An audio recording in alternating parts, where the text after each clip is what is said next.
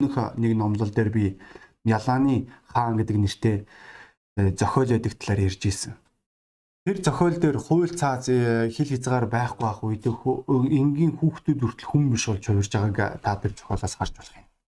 За тэгвэл э, энэ хууль цааз байхгүй хил хязгаар байхгүй хүчтэй хүчгүйгээ гэдэг энэ зүй тогтлыг бид нэр эволюцийн хууль гэж хэлдэг болов.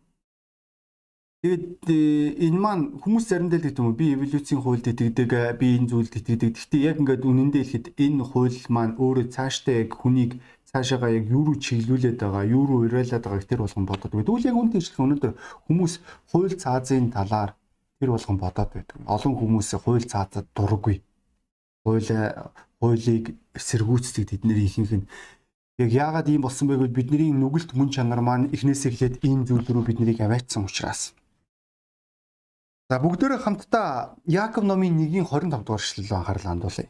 Библи хэлэхдээ харин мартамхаа сонсогч бус хэрэгжүүлэгч байж эрх чөлөөний хууль болох төгс хуулийг няхуур үзэн түүгээр байдаг нь үйлстэй өрөөгдөх болно гэдэг нь ишлэл байгаа. Энэ ишлэл маань маш энгийн бөгөөд тодорхой ишлүүдийн нэг.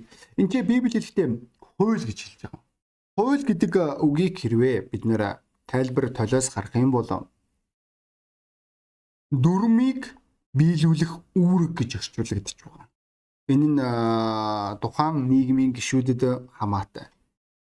Гэхдээ сонирхолтой нь яг юу вэ гэвэл олон хүмүүс хууль цааз гэж ярих үед захирамж гэж ярих үед тэд нэр энэ зүйл нь тэдний эрх чөлөөг боогоод байгаа мэт тэднийг ад жаргалтай байлгахад саад болоод байгаа мэт тэр мэдрэмжээр дүүрэн бидгийг та бүгд мэдэж байгаа. Яг энэ хүслээр нь диавол хүн төрлөختөнгө нүгэл тунгаасан тийм үү. Диавол хүмүүсийн оюун бодол бүр итгэгч нарын оюун бодол бүртэл а энэ ойлголтуудыг бий болгож байгаа. Зарим хүмүүс би Христийн шашинд итгэхгүй гэж хэлдэг. Яг бол тэдний ойлголтоор бол ерөөсө Христийн шашин гэдэг бол нэг хууль цаазаар энэ болохгүй тэр болохгүй гэдэг зүйлсүүд л э, олон байгаа юм шиг тэд нэр төсөөлөн бодож эхэлж байгаа. Тэдний эрх чөлөөг боогод байгаа юм шиг тэдний аль жаргалын хугаслаад байгаа юм шиг сэтгэл төрүүлж байгаа. Үнэхээр яг тийм үү? Үнэхээр яг тийм зүйл байгаа юу? Тэрээ бүгдөө эхлэл номын 3 дугаар бүлэг рүү анхаарал хандуулах юм бол энэ зүйлд анхны хүмүүс хууртагдж ийснийг бид нэр харж болно.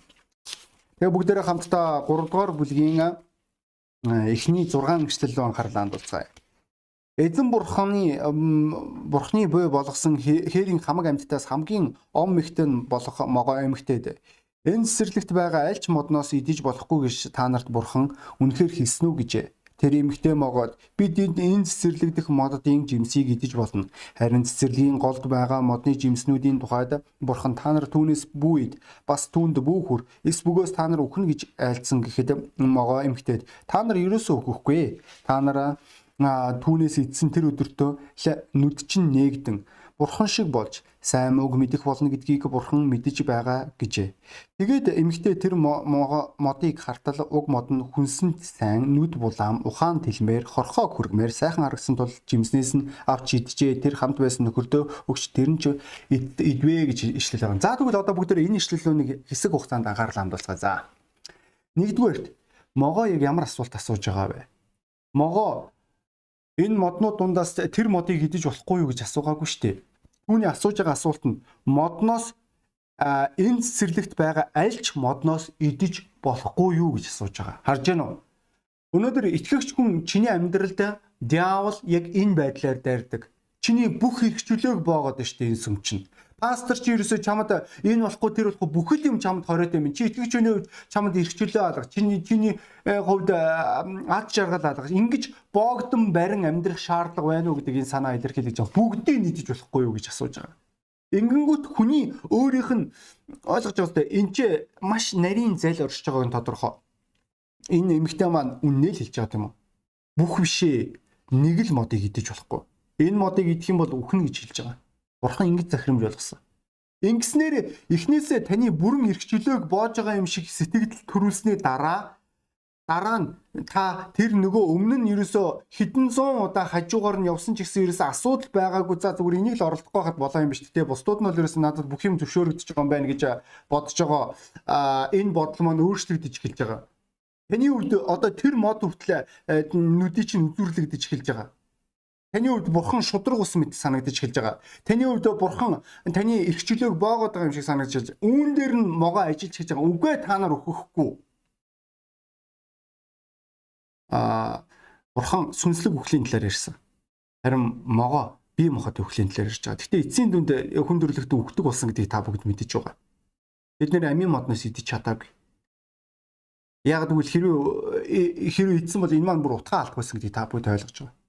Үүний дараа тийм энэ худал хуурмгийн дараа Ява өөрийнх нь хувьд зөв мэд санагдах эцэст нь үхэлд хүргэх тэр замыг сонгосон гэдгийг та бүгд мэдэж байгаа.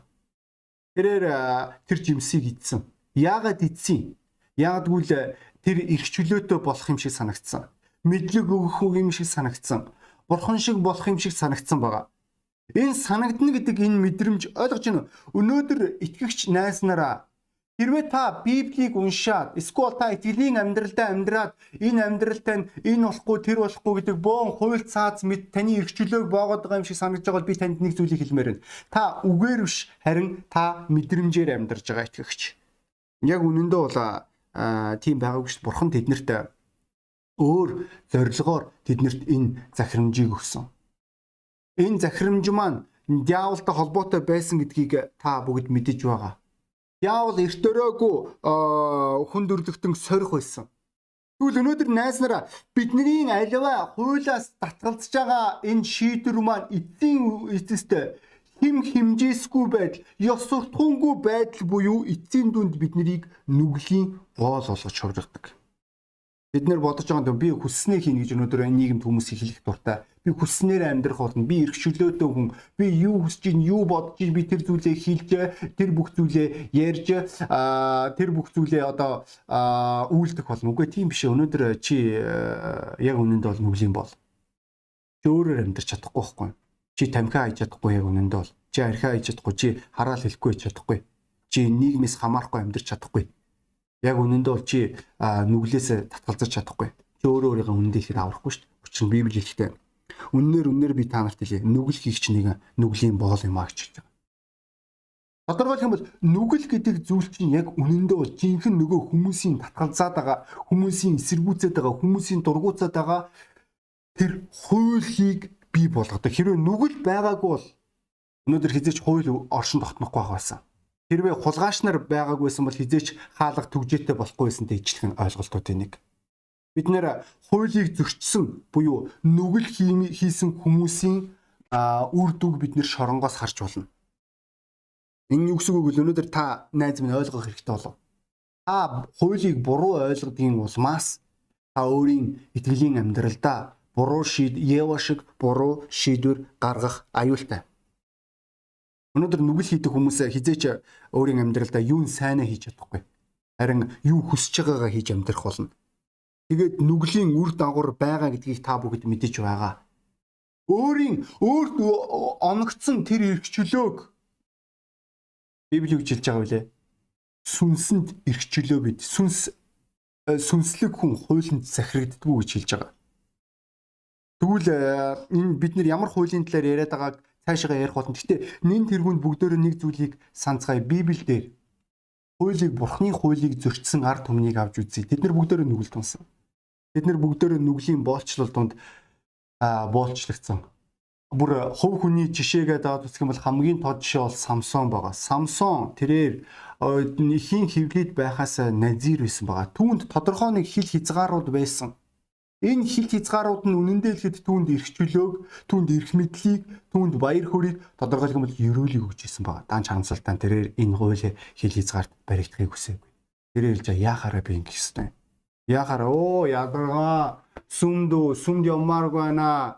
Би э, номлол сонсомооргүй байна. Би өглөөний залбиралд явмааргүй байна. Би сайн мэдээнд явмааргүй байна. Би танилцуулга тараамааргүй байна. Би гэрчилмээргүй байна. Би номломооргүй байна. Аа үгүй Би ингмааргүй байна. Энэ бүх зүйл чинь миний эрх чөлөөг баагаад байна. Миний жаргал хугацлагдаад байна. Би хүснээрээ амьдрч чадахгүй байгаад байна. Ойлгож байна уу? Яг ийм үйлдэлүүдийг Samsung хийгээд эцсийн дүнд тэрээр нүглийн боололоод нүгэл түүнийг сохолсон гэдгийг та бүгд мэдж байгаа. Хүн юу тарин тэрийг хурааж байгаа юм тийм үү? Энэ бол хууль. Яг үнэндээ хэлэхэд та өөрийгөө хуулиас эрх чөлөөтэй амьдарж байгаа гэж бодож байгаа боловч та өөр хуулийн дор амьдарч эхэлдэг. Энэ маань нүглийн хуулийн дор амьдарч эхэлж байгаа. Энэ хууль хизээч хүнийг эрх чөлөөтэй болгодоггүй. Энэ хууль мөн би танд хэлье. Энэ хууль хизээч таныг төгс болгодоггүй. Тэгвэл бурхны хууль биднэрт эрх чөлөөг мөн төгс байдлыг өгдөг бахна. Библи хэлэхдээ сургаалт нөгөө дуулал номын та надтай хамт нэхгүй дуулал номын дуулал ном 19 дугаар бүлгийг нээтгэе 19 дугаар бүлгийн 8 7 дугаар эшлэл. Эзний хууль нь төгс төгөлдөр сэтгэлийг сэргээдэг. Эзний зарчим нь баттай, гиннийг ухаантай болгодог гэж хэлж байгаа. Харж уу? Эзний хууль төгс төгөлдөр гэдэг энэ ишлэл байгаа. Төгс төгөлдөр гэдэг энэ үгийг хэрвээ бид нэр орчуулж үзэх юм бол дуусгагдсан, бүтэн аа насанд хүрсэн гэдэг ойлголтыг боловсрсан гэдэг утгыг илэрхийлэгдэж байгаа. Тэгвэл эзний хууль энэ зүйлийг агуулна. Мөн 1-р Иохан 2-р бүлгийн 1-р Иохан 2-р бүлгийн аа 1-р Иохан 2-р бүлэг 5-р эшлэл Харин түүний үгийг сахидаг хинийч дотор бурхны хайр үнэхээр төгс болгогдчихэ. Үүгээр бид түүний дотор байгаагаа мэднэ гэж хэлж байгаа. Харж байна уу? Бурхны хууль өнөөдөр итгэгч найз минь чамайг төгс байдал руу чиглүүлдэг. Та нүгэл хайр өнөөдөр таны амьдралд эрх чөлөөг таны амьдралд төгс байдлыг өгч байгаа бүр Колисе номын Колисе ном Колисегийн Колисе Колисе 3 дугаар бүлгийн бүгдээр хамтаа нэцгээе. Колисе 3 дугаар бүлэг анадтай хамт нэн гэдэгт найдаж байна. Колисе 3-ын 14 дугаар эшлэлдэр Библи хэлдэг. Энэ бүгдийн дээр хайрыг өмс хайрын төгс төгөлдрийн хэлхээс болох холбоос юм аа гэж хэлж байгаа. Та бүгд мэдж байгаа бох тийм үү? Бурхны хууль бол төгс. Таны амьдралд төгс байдлыг жинхэнэ эрх чөлөөг өгч байгаа. Тэгвэл э, бидний хүн болгон мэдэн тийм үү? Бидний хүн итгэгч хүн болгон төгс байдал руу дуудагдсан. Үүний талаар Матай номын 5 дугаар бүлэг дээр хэлэхдээ Матай номын 5 дугаар бүлэг дээр аа та надтай самт нэхгүй юу? Матай номын 5 дугаар бүлэг хамгийн сүүлчийн ишлэл дээр тийм тэнгэрлэг эцэг чинь төгс байдаг шиг та нар мөн төгс бай гэж хэлж байгаа. Дүүрэн байх, өсөлттэй байх, насанд хүрэх талаар энэ өгүүлж байгаа. Бидний төгс байдал маань үргэлж бидний өсөлттэй холбоотой байдаг. Тодорхой хэлэх юм бол та энэ хуулийг амьдралдаа сахиж тунгаан бодож бидний үндсэн ишлэл дээр юу гэж хэлж байгаа вэ? Их гоё орчуулга орж ирсэн шүү дээ сая. Аа юу гэж хэлж байгаа вэ? Хэрэгжүүлэгч байж эрх чөлөөний хууль ба төгс хуулийг няхуур үзэн гэж хэлж байгаа. Та энэ хуулийг өөрийн амьдралдаа судалснараа энэ хууль та няхуур онцгой хандснараа та итгэл дээр өсдөг. Тэгвэл итгэл дээр өссөн хүмүүсийг Библи хэлэхдээ энэ хүмүүсийг төгс хүмүүс гэж хэлж байгаа. Энэ хүмүүсийг нүгэлгүй хүмүүс эсвэл өөсөвгүй хүмүүс гэж хэлээгүй шүү. Энэ хүмүүс маань өсөлттэй төгс хүмүүс. Библи хэлэхдээ үүний талаараа еврейгийн загтал дээр уншиж болно. Би та бүгдэд уншаад өгье. Еврейгийн загтал 5 дугаар бүлгийн 14 дугаар эшлэлдэр харин бор хоол нь төлөвсөн хүмүүст буюу одоо энэ төгс хүмүүсийн талаар ярьж байгаа. Зориулагддаг. Учир нь тэдний э, тэд нар сайн мууг ялгахадаа дасгалжуулагдсан байдгиймаа гэж хэлж байгаа. Энэ нь юу гэсэн үг вэ? Тэд нар итгэлийн амьдралдаа өсөлттэй байснараа Тэд нэр сайн мууг ялгах чадвартай. Тэгээ та өөрийн итгэлийн амьдралдаа дүүрэн болж байгаа. Та өмнө нь хүүхэд чиг сэтгэдэг байсан болоо та тийм биш. Библи 14 дугаар 1-р Коринтын 14 дугааргийн 20 дугаар эшлэлдэр хэлэхдээ ах トゥ нараа ухаанаараа хүүхдүүд байж болохгүй. Бузар мууд балчир болж харин ухаанаараа төлөвсөн бай гэж хэлж байгаа. Харж байна уу? Энэ ишлэл ашиглагдаж байгаа. Энэ үг маань бидний үндсэн ишлэлтэй шууд холбоотой гэдгийг та бүгд ойлгох хэрэгтэй болов. Энэ нь та төлөвшсөн байр суурьтай байхыг хэлж байгаа. Хууль таныг төлөвшөлд аваачдаг. Хууль таныг өсөлтөнд аваачдаг. Та ингэснээр бүр Яаковын 3 дугаар бүлэг дээр үгжилж байгаа байлаа. хэрвээ хин нэгэн өөрийн амаан захирах чадвартай бол тэр хүн төлөвшсөн төгс хүн гэж хэлж байгаа. Тэгвэл бидний зорилго бол өнөөдөр Бурхны хаанчил дотор, Бурхан дотор төлөвшсөн хүмүүс байх. Өсөлттэй байх. Тэгвэл яаж өсөлттэй байх боломжтой вэ? Бурхны үг таны амьдралдаа энэ төлөвшлийг, энэ эрх чөлөөг, энэ баяр хөөргийг өгдөг болж таарч байгаа. Библи хэлэхдээ яа Колосе номын 1-р бүлгийг нэцгээе өнөөдөр жоохон библийн ишлэл нэлээ унших болно манайхаа. Зүгээр ах тий. Зарим хүмүүс нь 7 хоногт нэг удаа уншиж байгаа учраас гэдэг. Нэгийн 28 дугаар ишлэл дээр хэлэхдээ бид хүн бүрийг Христэд төгс болгохын тулд бүх мэрэгэн ухаан дотор хүн бүрд сануулж хүн бүрд заан түүнийг тунхлаж байна гэж хэлж байгаа. Хоёрдугаар Тимотийн 2дугаар Тимото 16 4дугаар 3дугаар бүлгийн 16 дугаар ишлээс бүгдээр хамтаа харцгаая. Хоёрдугаар Тимото 3-ын 16-аас 17. Бичвэр бүр бурхны амьсгалснаар байгаа бөгөөд заах, зэмлэх, залруулах, зөвд чиглүүлэхэд тустай. Энэ нь бурхны хүн чадамгаа аливаа сайн үйлд бүрэн бэлтгэгдсэн байхын тулд юм а гэж хэлж байгаа. Өөр нэг хэсэг маань юу гэж хэлж байгааг бол бурхны хүн төгс болгохдохын тулд төлөвшсөн байхын тулд тэр хүн маань үн цэнтэй амьдрахын тулд өнөөдөр найс нараа та бүгд ойлгож байгаа юм уу? Хэрвээ бидний амьдралд төлөвшил байгаа цагт ямар үед энэ маань байх байна гэж хэлээ. Мартамхаа сонсогч нар байхгүй тулд. Мартамхаа сонсогч нар байх хэрэг өөрийгөө хуурдаг хүмүүс биш. Өнөөдөр Бурхны үгийг сонсчоод, Бурхны үгийг уншичаад энэ үгийн эсрэг амьдарч өөрийгөө хуурах биш. Энэ үгийг өөрийн өдөр тутмын амьдралдаа мартах биш. Ингэснээр та нүглийн хуйлд ор захирагдах болохоос Таны нөгөө нэг хүсгүй байгаад байгаа тэр хязгаарлагдал байдал тэр хүсгүй байгаад байгаа тэр байнгын ял мэт санагдаж байгаа ад жаргалыг чинь хугастаад байгаа тэр ойлголт руугаа та өөрийгөө авчиж байгаа. Харин та Бурхны үгэнд нихур хандах тэр үед энэ үг өнөөдөр таныг эрх чөлөөтэй энэ өнөөдөр таныг а эрх чөлөө гэдэг чинь өөр юм бэ? Юу хүсснээ биш, юу зөвөө хийх чадвар аавал юу хэлж байгаа вэ? Би маш надад маш олон юм зөвшөөрөгдөд ирэхдээ юм болгоно надад сайн биш. Үүнийг ухааран зөв сонголт хийх чадвартай амьдралыг хэлж байгаа. Энэ нь өнөөдөр бидний итгэлийн амьдралд маш туйлын чухал гэдгийг ойлгох хэрэгтэй. Ямар итгэгч нар энэ итгэлийн амьдралд шаналн зовдөг вэ? Урваагаал, ярваагаал, гонсоогоол хямраад амьдрдаг вэ? Ихэнхдээ дандаа тэдний итгэлийн амьдралд төлөвшөлт байдгүй. Бид нэр яг л нэг жоохон хүүхдүүд чиг нэг ааштай нэг жоохон хүүхэд маяглж байгаа мэт амьдарч байгаа. Энэ шалтгаан бол бас пастор надад таалагдахгүй байна, Библи таалагдахгүй байна, сүм таалагдахгүй байна, бурхан таалагдахгүй байна, чи таалагдахгүй байна, да да да да да да да. Энэ хүмүүсийн ааш нь хизээч хязгаарлагдахгүй. Энэ шалтгааны улмаас тэд нэр бурхныг гэрчилж чаддаггүй, тэд нэр бурхны талаар ярьж чаддаггүй, тэд нэр зүгээр л өөрийн юу хүснээ хийж амьдардаг. Тэгвэл өнөөдөр бурхан биднийг үүнд дуудаагүй. Бурхан биднийг төлөвшөлд дуудаж байгаа. Өнөөдөр найз нараа хууль бол бидний хувьд ерөөл болж хуурж байгаа. Ингэснээр бид нэр энэ төлөвшил бидний амьдралд ирснээр энэ үгийн дагуу амьдрах энэ няхуур энэ хандлага маань бидний амьдралдаа бусад хүмүүстэй харилцах харилцаанд тус болдог гэдгийг та бүгд мэдж байгаа. Ихэвчлэн ихэнх тохиолдолд бид нэр хуваач хийсэн амьтад Хуваачсан байр суурь маань эцсийн дүнд биднийг өөрөөсөө өөр хэнийг ч хайрлахгүй байр суурьнд авчдаг. Энэ шалтгаанаар зарим итгэгч нар маань урвааж, ярвааж амьдардаг.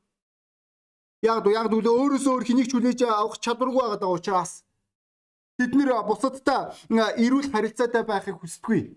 Бид нэр бусадтай нөхөрлөж чаддаггүй харж гинөө төлөвшсөн хүн энэ төгс хуулийг буюу өөрийн хөршөө өөрсгөө хайрлагдаг хуулийг хэрэгжүүлэх чадвартай байдаг байгаа. Энэ төгс хууль чи өөрсгөө өрөөлийг хайрлна гэдэг чинь энэ бол чиний итгэлийн амьдралын дээд өсөлт байгаа. Авсан мөн энэ төлөвшил чиний амьдралд нүгэлт хандах хандлаган дээр тус болдог. Чи өөрийн амьдралдаа юу хүсснээ биш, юу зөвөө хийх чадвар Чиний амьдралд өөрийгөө бөөцөлж залхуурахгүй байхад чамд тусалдаг, хөдөлмөрч байхад тусалдаг. Энэ нь юу гэсэн үг вэ? Чи нийгэмдийг бүтээмжтэй хэрэгтэй хүн бол төрнө гэсэн үг. Мөн чиний санхуд шууд утгаараа нөлөөлнө. Яг л төлөвшөөгүй хүмүүс хүссэн юм авахыг хүснэ бүгдийг. iPhone 13 13-ыг аавна. iPhone 12 Pro Max тэрийг авахыг хүснэ. Яг яагаад яг үндэл чамд хэрэгтэй хэрэггүй шүү дээ юм бодит байдал дээр. Чиний хэрэглээ тийм биш. Гэхдээ би заавал аавна. Чи хамгийн одоо чи бусадтай л ижлэхэн амьдрахыг хүснэ. Чамд ямар ч санхүүгийн бодлого гэж зүйл байхгүй. Яг яагаад яагаад чамд төлөвшил байхгүй байгаа учраас чи аль болох хуулиас зайлсхийж байгаа, аль болох бие амрыг ирж иж байгаа чи өөрийнхөө амьдралдаа өнөөдөр зугаа цэглэлийн араас өцөлдөж байгаа чи өөрийнхөө амьдралдаа жаргалын араас өцөлдөж байгаа. Чи хуульд захирахыг хүсэхгүй байгаа. Хуулийн айн дагуу амьдрахыг хүсэхгүй байгаа. Яг үл энэ чиний үед уйдгартай, энэ чиний үед хэцүү, энэ чиний үед төвхтэй, энэ чамааг боогоод байгаа, хавчаад байгаа, зовоогоод байгаа. Тэгвэл өнөөдөр найснараа бидний бурхандах үгийн дагуу амьдрах энэ амьдрал маань хэрэгжүүлэх энэ байр суурь маань эцсийн дүнд өнөөдөр биднэрт эрх чөлөө төлөвшлийг өгдөг байна. Ийм л учраас Йохан ном дээр та нар үннийг таньж мэдэх юм бол үнэн та нарыг эрх чөлөөтэй болгоно гэж хэлж байгаа. Энэ үнэн өнөөдөр ахан дүүсээ биднийг өрөөлт хүргэдэг. Бидний нэшлэлээр та нар өрөөгдсөн альва бүхэл үйлстэй өрөөгдсөн буюу өөр нэг орчуулга маань баян чинэлэг затгалан хангалуун жаргал дүүрэн амьдрах болно гэж хэлж байгаа.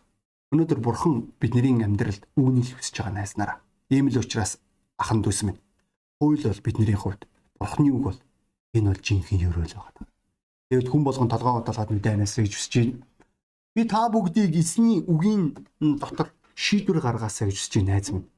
Өнөөдөр таны итгэлийн амьдралда үг маш туйлын чухал.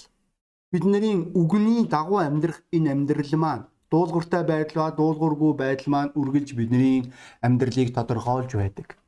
Найс нараа хууль бол хараал биш ээ. Хууль бол бидний хувьд ерөөл. Би та бүгдийг энэ орой өөрсдийгөө хуурдаг мартамхай сонсогч нар биш. Харин хуулийг хэрэгжүүлэгч нар, үгийг хэрэгжүүлэгч нар, нэгтлэн нухацтай хандагч нар байгаасаа гэж хүсэж байна. Учир нь энэ нь та нарт төлөвшлийг, энэ нь та нарт эрх чөлөөг эцэст нь та нарт ерөөлийг өгөх. Энэ шийдвэрийг гаргаасаа гэж хүсэж байна. Тэгэхээр магадгүй та энэ номлыг анх удаа сонсч иж болох юм. А яа харахгүй энэ ойлголтуудаар дүүрэн хүмүүсийн нэг тийм аа Христийн шашин энэ болохгүй тэр болохгүй үгүй тийм биш. Биднэрт бүх юм болно. Гэтэ биднэрт бүх юм хэрэггүй. Устаа биш. Тийм л учраас бид нэр арх удгүй тамиг татдаггүй. Өнөөдөр элдв элдв 7 заваан зүйлсүүдийг хийдэг байгаа. Тэрнээс бол эсэргээрээ биш. Үүнийг жинхэнэ эрхчлөөт хүн гэж хэлдэг юм. А урсгалаа дагаж амьдрах биш. А нүглийн боолчлол дунд амьдрах биш. Бурхан данд эрхчлөөг санал болгож энэ эрхчлөөг энгийн бурхантай эвлэрэх гимшлийн залбирлаар та өөрийн амьдралдаа олж авч болно. Та үүнийг амьдралдаа авахыг хүсэж байгаа бол та энэ өглөө бурхантай эвлэр. Илүү их зүйлийг мэдэн яг яаж гэдгийг та сонирхож байгаа бол та бидний руу залгаж холбоо барьж болох юм бид нэр танд туслахтаа маш татаах болно. За тэгээд би дуудлагаа өөрчилж байна. Итгэгч ахын дүүсээ өөрсдийгөө хуурах хэрэггүй. Бид нэр мэдрэмжээр амьдрахаар дуудагдсан юм биш. Харин үгийн дагуу амьдрахаар дуудагдсан. Энэ үг биднэрт жинхэнэ эрхчлөө. Энэ үг биднэрт жинхэнэ өгс байдлыг өгдөг гэдгийг найз минь ойлгох хэрэгтэй. Учир нь бидний ишлэл хэлэхдээ энэ хууль бол төгс ба эрх чөлөөний хууль гэж хэлж байна үүнийг ухаан ойлгож өөрийн амьдралдаа эрхчлөөг олж авах аханд үсэ туйлын чухал. Би та бүгдийг энэ өглөө эзний өмнө шийдвэр гаргасан гэдэгт магадгүй хэн нэгэн өөрийн зам мөрөө засах хэрэгтэй, гимших хэрэгтэй байж болох юм. Би таны чин сэтгэлээсээ гимшээсээ эзэнтэйгээ эвлэрээсэй гэж хүсэж байна. Есүс Христийн нэрээр энэ нь танд туйлын чухал. Магадгүй та ухарсан итгэгч байж болох юм. Итгэгч найз минь итгэлээ дээрээ эргэн сэргэж өөрийн эцэг рүүгээ эргэн хурж ир. Хүм чин чамайг хүлээж байна. Чин сэтгэлээр гимшил чамаага чөлөөлөх болно. Эргэн сүмдээ нэгтгэхэд тань тус толох болно. Энэ нь таны хувьд туйлын чухал байгаа. За тэгээд бүгдөө номлын төгсгөлд залбирцгаая. Тэнгэрлэгс өнөөдрийн номлыг ивэсэн танд баярлалаа. Есүс Христийн нэрээр өнөөдрийн итгэгч хүн болгоныг минь ивэн үү? Есүс Христийн цаар. Аамен удахгүй ахын төсөө зүүмөр холбогдцгаая баярлаа.